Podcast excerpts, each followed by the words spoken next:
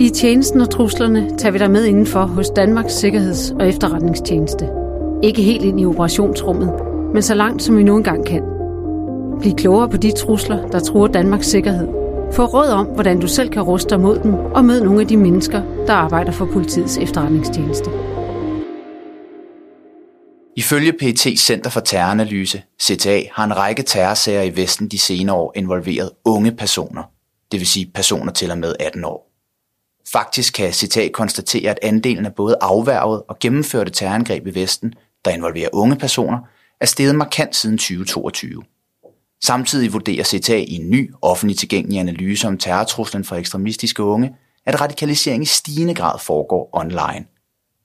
Kort sagt peger analysen på, at unge i højere grad indgår i terrortrusselsbilledet, og at unge oftere radikaliseres online i såkaldte virtuelle ekstremistiske miljøer.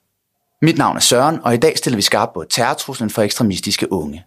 Det gør vi sammen med Marie fra Center for Terroranalyse, som er en af penneførende på førnævnte analyse, der altså netop er udkommet, og som kan findes på PT's hjemmeside.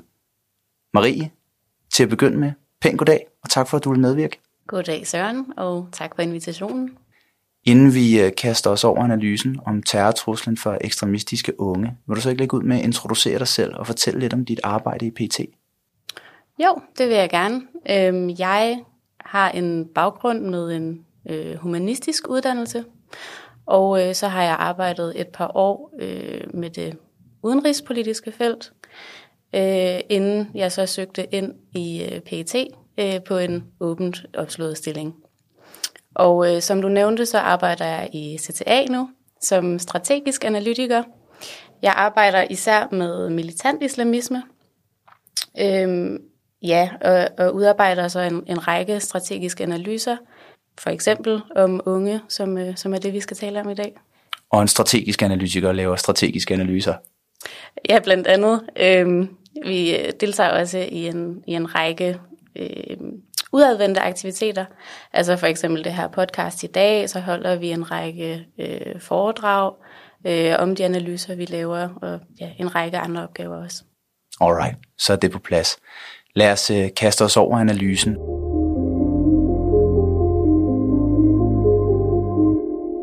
Som jeg nævnte før, kan CTA konstatere, at en række terrorserier i Vesten de senere år har involveret unge personer til og med 18 år, og at radikalisering blandt unge i stigende grad foregår online. Hvorfor er det, at øh, unge mennesker i højere grad flytter med ekstremisme derude i cyberspace? Ja, altså det er et godt spørgsmål. Det kan der være flere årsager til. Øhm, for det første så øh, tilbyder øh, det virtuelle mulighed for anonymitet. Det vil sige, at unge øh, kan udtale sig online uden at skulle være bekymret for øh, at blive bedømt på baggrund af, hvor gamle de er, eller deres fysiske fremtoning. Her der handler det mere om øh, altså deres udtalelser, øh, og det mindset, de måtte have, det aktivitetsniveau, der er online.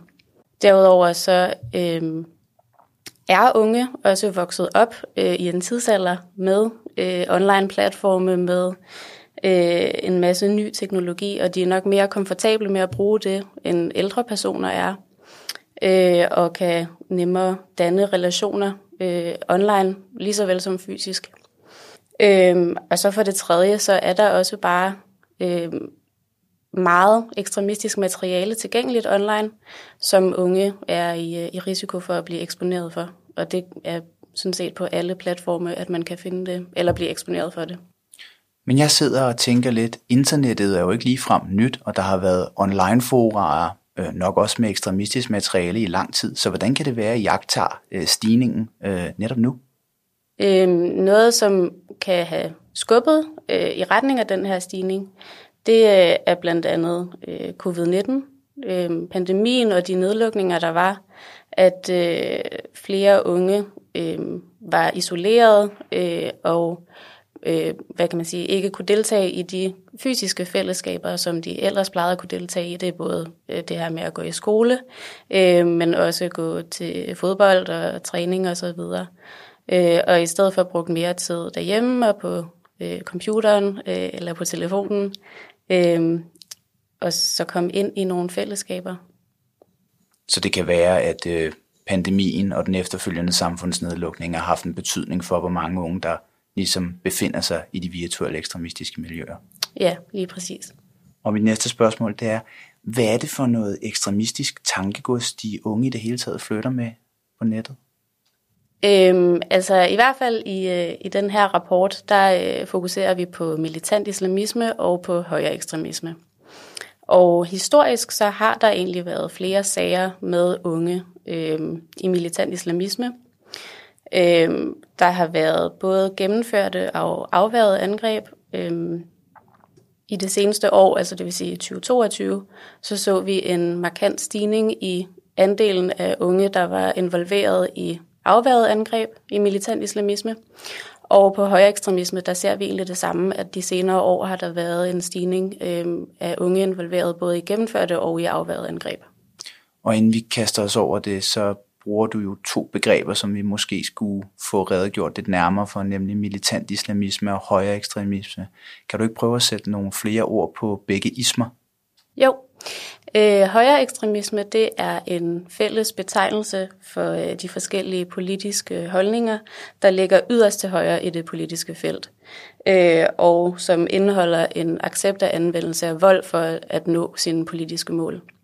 Og militant islamisme, det er øh, en fortolkning af islamistisk ideologi, øh, der legitimerer anvendelse af vold, også for at opnå øh, politiske, religiøse eller ideologiske mål.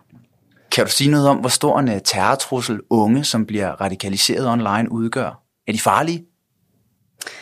Øhm, det er et, et godt spørgsmål. Det er selvfølgelig noget, vi i hvert fald ser på med øh, alvor. Øhm, jeg nævnte det her med øh, gennemførte og afværet angreb før, og man kan sige, at gennemførselsraten for angreb øh, egentlig er ret lav. Øh, på militant islamisme, der skal vi helt tilbage til 2020 øh, for at se det sidste gennemførte angreb. Øh, til gengæld så øh, deltager unge, eller kan vi se en masse afværet angreb inden for de seneste år. Så der er øh, et ønske blandt nogle af de her ekstremister om at gennemføre angreb. Der kan selvfølgelig være flere årsager til, at der er mange afværede angreb. For det første så kan det være noget med, at unge har en tendens til at øh, støje for meget online, øh, at øh, tale over sig eller have for øh, ekstremistiske holdninger, hvilket skaber en bekymring og en opmærksomhed. Øh, det kan også være, at fordi de er unge, at de bliver opdaget af deres forældre eller i skolen. Øh, men der er i hvert fald, kan vi se, øh, en vilje til at gennemføre angreb, også selvom de er unge. Og så deltager de også i en, en masse forskellige aktiviteter, øh, som er terrorrelateret, øh, tilgår og deler øh, propaganda.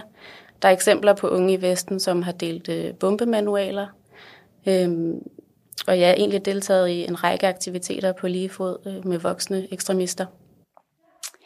Øh, der var også en sag i Danmark i 2022, hvor en ung øh, person på 15 år blev anholdt øh, på grund af sit engagement i den højere ekstremistiske terrorsammenslutning for jeg Krig Division. Og i maj i år, der blev han idømt fem et halvt års fængsel, øh, for blandt andet at have forsøgt at væve øh, en kammerat til før nævnte Feuerkrig Division og for at have delt bombemanualer. Dommen den er anket lige nu, og det er godt nok et, ikke et eksempel på et øh, afværet eller gennemført angreb, men illustrerer meget godt den tendens, der er lige nu med unge ekstremister. Og bare lige for god ordens skyld, når du og CTA taler om unge i den her nye analyse, så er det altså terrorsager fra hele Vesten, det drejer sig om, ikke sandt? Jo, det er det lige præcis. Det er terrorsager fra hele Vesten. Godt. Og så vil jeg også meget gerne spørge dig, kan du sige, hvordan de her unge ekstremister adskiller sig fra de voksne ekstremister, de voksne af slagsen? Altså, er, er unge ekstremister eksempelvis farligere, eller måske modsat, er de mindre farlige? Det ved jeg ikke, om man sådan kan sætte en, en bestemt formel på. Øhm, men vi kan se, at der i hvert fald eksempler på, at unge ekstremister i Vesten deltager i de samme aktiviteter, som øh, voksne ekstremister gør. Øh, og der er også en række andre lighedspunkter. For eksempel så øhm, at, at vurderer vi, at de deler øh, de samme fjendebilleder som voksne ekstremister, øh, både inden for højere ekstremisme og militant islamisme. Så det er de samme ideologier? Ja, det er det. Øh, og at de også, øh, kan vi se i de, i de gennemførte angreb, der har været, at øh, måludpegningen også er den samme som for de voksne. Modtaget. Og øh, jeg kunne godt tænke mig at dykke lidt dybere ned i, hvad det er for nogle unge, vi har med at gøre. Og i den forbindelse er jeg faldet over et citat fra rapporten, øh, som det her interview tager udgangspunkt i, som jeg godt lige øh, kunne tænke mig at læse op. Center for Terroranalyse CTA skriver i øh, analysen om terrortruslen for ekstremistiske unge, at virtuelle netværk tilbyder anonymitet, hvilket muliggør deltagelse uden at blive bedømt på fysisk fremtoning, alder eller livserfaring, men alene på aktivitetsniveau, udsagn og mindset. Og så skriver citat videre i analysen, at dette har betydet, at unge, der tidligere ikke ville kunne begå sig i de fysiske ekstremistiske miljøer, i dag indgår som væsentlige aktører i virtuelle ekstremistiske miljøer. Og så er det, jeg sidder tilbage med, med spørgsmålet, jamen hvem, hvem er de her unge, der i dag indgår som væsentlige aktører i de virtuelle ekstremistiske miljøer? Altså hvad er det for nogle unge, der bliver radikaliseret på nettet? Det kan man ikke sådan sætte en type på. Man kan ikke sige, at der er én type ung, øh, som bliver radikaliseret i virtuelle miljøer, eller som deltager i virtuelle miljøer. Øh, vi, kan, vi har set, at der er øh, en række øh, træk, der går, øh, der, der gentages, øh, eller der går igen. Øh, men vi kan ikke sammensætte en øh, profil. Det vil typisk være en kombination af faktorer. Øh, det kan blandt andet være en øh, dysfunktionel familie, eller dårlig tilknytning til skolen, eller problematiske relationer til venner, mobning for eksempel. Øh, det kan være, det kan også være øh, psykiske sårbarheder, psykiske lidelser. Øhm, og så er der også nogle, nogle faktorer, kalder vi det, som er relateret til, til det at være ung. Altså en søgen efter identitet, en søgen efter tilhørsforhold og accept. Og det er så nogle faktorer, som gør sig gældende for alle unge, men der er så bare nogle unge, for hvem de her faktorer leder ind i ekstremismen på nettet. Ja, det kan det være, ja.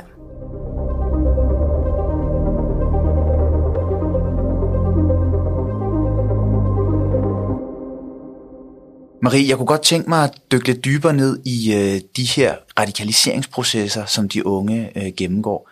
Øh, jeg, vil gerne, jeg vil gerne vide, hvor det foregår henne. Øh, nu kan jeg jo ikke spørge rent fysisk, men så rent virtuelt. Øh, altså, hvor bliver de unge rekrutteret hen, hvis man, kan, hvis man kan sige det på den måde? Jeg ved ikke rigtigt, om man kan sige rekrutteret, fordi det er lidt en, en, en blanding af flere ting. Altså, jeg tror, at traditionelt så har man jo anset unge som ofre for øh, altså at voksne rekrutterer dem ind i øh, ekstremistiske miljøer. Øhm, men i dag har vi set flere eksempler i Vesten på, at unge øhm, selv finder ind i ekstremistiske miljøer, eller at de øh, også rekrutterer andre unge eller voksne i de ekstremistiske miljøer.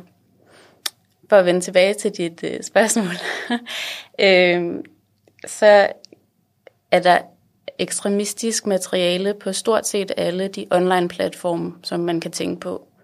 Der er forskellige indsatser for at få taget det ekstremistiske materiale ned fra de her platforme, men nogle af platformene er mere modereret end andre. Øhm, så derfor så kan ekstremistisk materiale have længere levetid på nogle platforme end andre. Og kan du komme ind på nogle af de platforme, hvor det foregår? Altså som nævnt, så vil det være alle platforme. Øh, man kan risikere eller blive eksponeret for øh, militant islamistisk propaganda eller elementer af propaganda på TikTok for eksempel, eller på Instagram. Der vil det øh, sandsynligvis blive taget ned efter ret kort tid. Øh, så er der platforme, eller især gaming-platforme, som er præget af en ret lav øh, moderation. Øh, så der kan man tale om, at der er der ideelle øh, forhold øh, for, at øh, ekstremistisk øh, propagandamateriale kan blive der. Øh, gaming-platforme er jo også et sted, hvor der er mange unge, som bruger gamingplatformene til chats eller øh, sådan mere som sociale medier. Øh, så derfor så er det også i mange tilfælde øh, en platform eller platforme, hvor øh, der er en, en indgangsvinkel til mere ekstremistiske miljøer. Og når du snakker om lav moderation på de der gaming-platforme, så går det i bund og grund ud på, at der ikke er nogen regler for, hvad man må sige, og hvad man ikke må sige, og hvilke regler der nogle gange er for at ytre sig der. Ja, det kan både være det, det kan også være, at, øh, at materialet ja, bare bliver der i længere tid. Øhm, at, at der bliver, øh, hvad skal man sige, at, at platformene selv øh, ikke er så strikse i forhold til sproget og tonen og hvad for noget materiale der er. Det lyder som om, det virtuelle spiller en ret central rolle for radikaliseringen af de unge. Hvordan ser man, at virtualiseringen måske endda forstærker radikaliseringsprocessen? Mm, det, det kan virtualisering i nogle eksempler. Øhm, for eksempel så kan algoritmer være med til at øh, skærpe en radikaliseringsproces ved at øhm, man baseret på det indhold, man tidligere har set, får øh, foreslået noget nyt indhold, som ligner det samme. Og på den måde, så kan man øh, blive lidt mere og mere ned af et kaninhul, øh, hvor øh, de ekstremistiske budskaber øh, bliver forstærket og gentaget. Øh, så på den måde, så kan for eksempel algoritmer skærpe en radikaliseringsproces, og derudover så kan sådan noget som øh, automatisk slettefunktion efter 24 timer, kan være med til at, at fastholde øh, unge øh, i kontinuerligt at skulle tjekke øh, deres sociale medier, øh, for ikke at gå glip af noget indhold. Og så i den proces, der bliver indholdet så gentaget øh, gang og gang igen. Så selvom det virtuelle øh, fylder meget eller mere øh, blandt de unge, så tænker jeg, at radikalisering stadigvæk også foregår fysisk. Er det tilfældet? Ja, øh, der er eksempler, hvor radikalisering også er foregået fysisk. Det er nok især i militant islamisme, at der er eksempler på det. Og det kan blandt andet være i situationer med radikaliserede familiemedlemmer eller venner, øh, der har spillet en rolle i radikaliseringsprocessen der. Og er det sådan, at øh, du kender til nogle eksempler på, hvor radikalisering har fundet sted fysisk? Øh, ja, der er en række eksempler i Vesten. Øh, for eksempel i Frankrig tilbage i 2012, i 2012 så det er en, en gammel sag, kan man sige.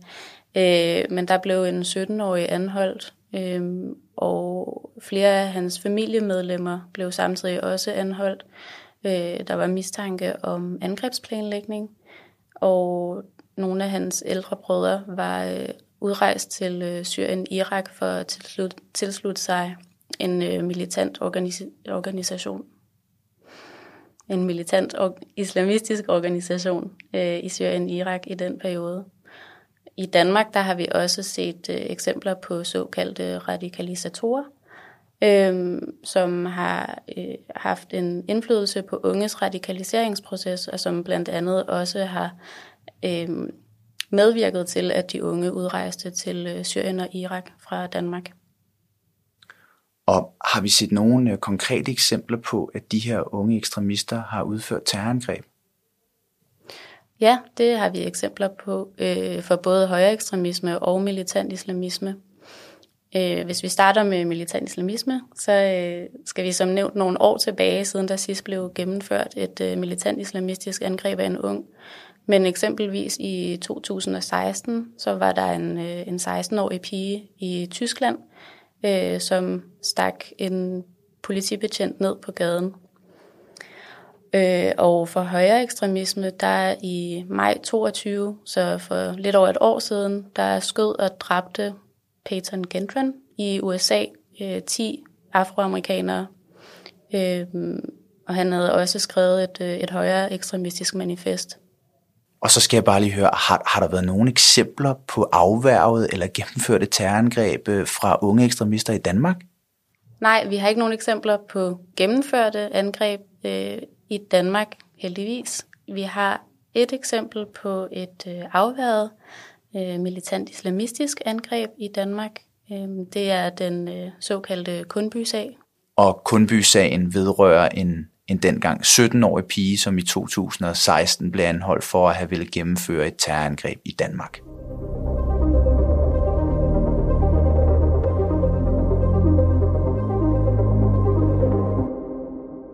Nu har vi været lidt inde på, hvordan og hvorfor unge kan havne i ekstremistiske miljøer, og hvor radikalisering også kan, kan foregå. Men selvom vi har været lidt inde på det, så kunne jeg godt tænke mig at dykke dybere ned i, hvad er det for nogle unge, der bliver ekstremister? Er der nogle særlige kendetegn?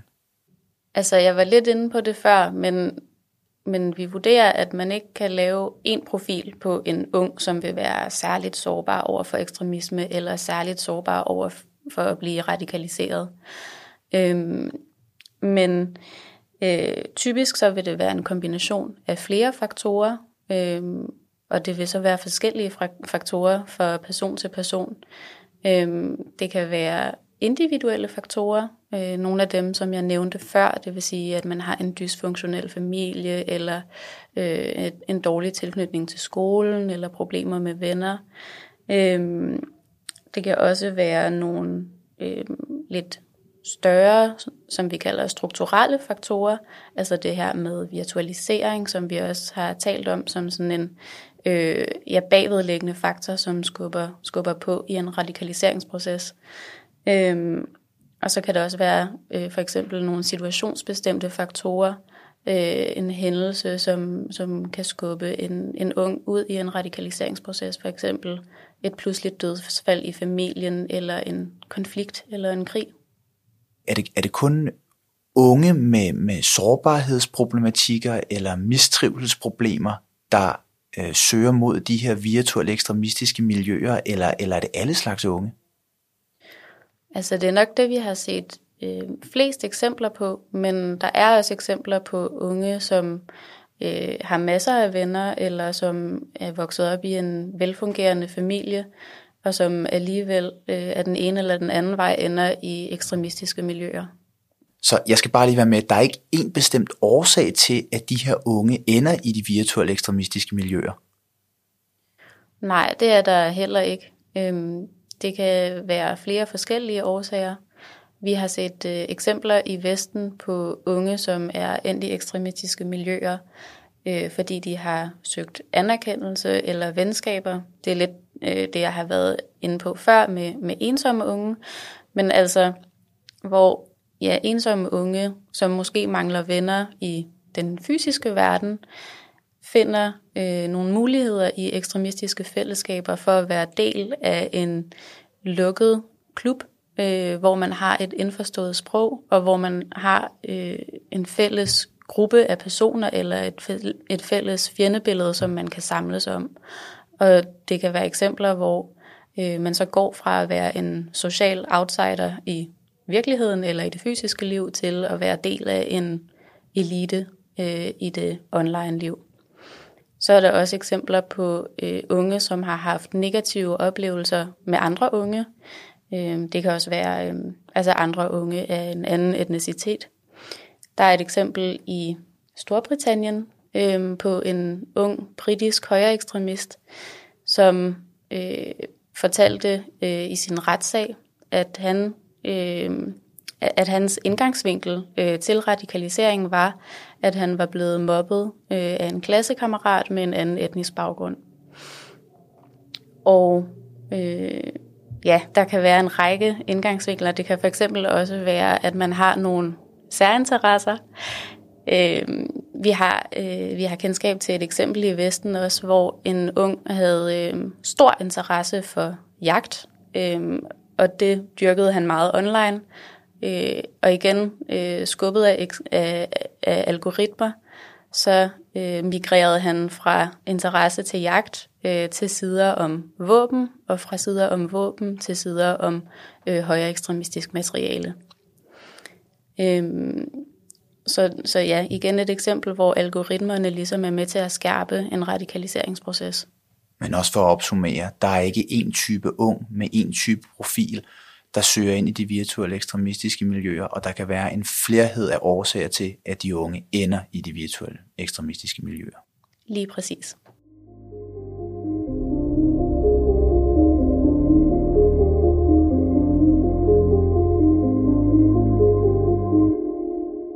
Nu har vi været inde på, øh, hvem de her unge ekstremister er, øh, og hvad de danner deres øh, fællesskaber omkring, og hvordan de kommer ind i de øh, virtuelle ekstremistiske miljøer. Og meget af det kan jo lyde øh, ganske bekymrende, og derfor så kunne jeg godt tænke mig at spørge, hvad gør PT for at sikre, at de her unge mennesker ikke ender med at begå terrorhandlinger? Øh, PT har en forebyggende indsats, der blandt andet uddanner medarbejdere i andre myndigheder, så de har en forståelse for trusselsbilledet og kan identificere og håndtere tegn på radikalisering så tidligt som muligt. Øhm, når det så er sagt, så øh, er der selvfølgelig også en, en udfordring for øh, PET med at vurdere, jamen, hvornår er der tale om øh, reel radikalisering af de her unge, og hvornår er der tale om en hård tone online. Øhm, og, og det er selvfølgelig noget, som vi også bruger tid på. Og det er den her problematik med, at det kan være svært at skille holdninger fra handlinger, og hvornår holdningerne rent faktisk er udtryk for, at der er nogen, der vil begå terror. Lige præcis.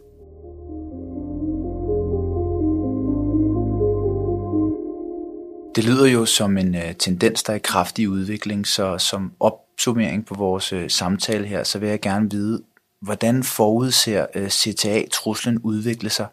Er det sådan, at tendensen med flere unge blandt ekstremister og virtualisering vil fortsætte?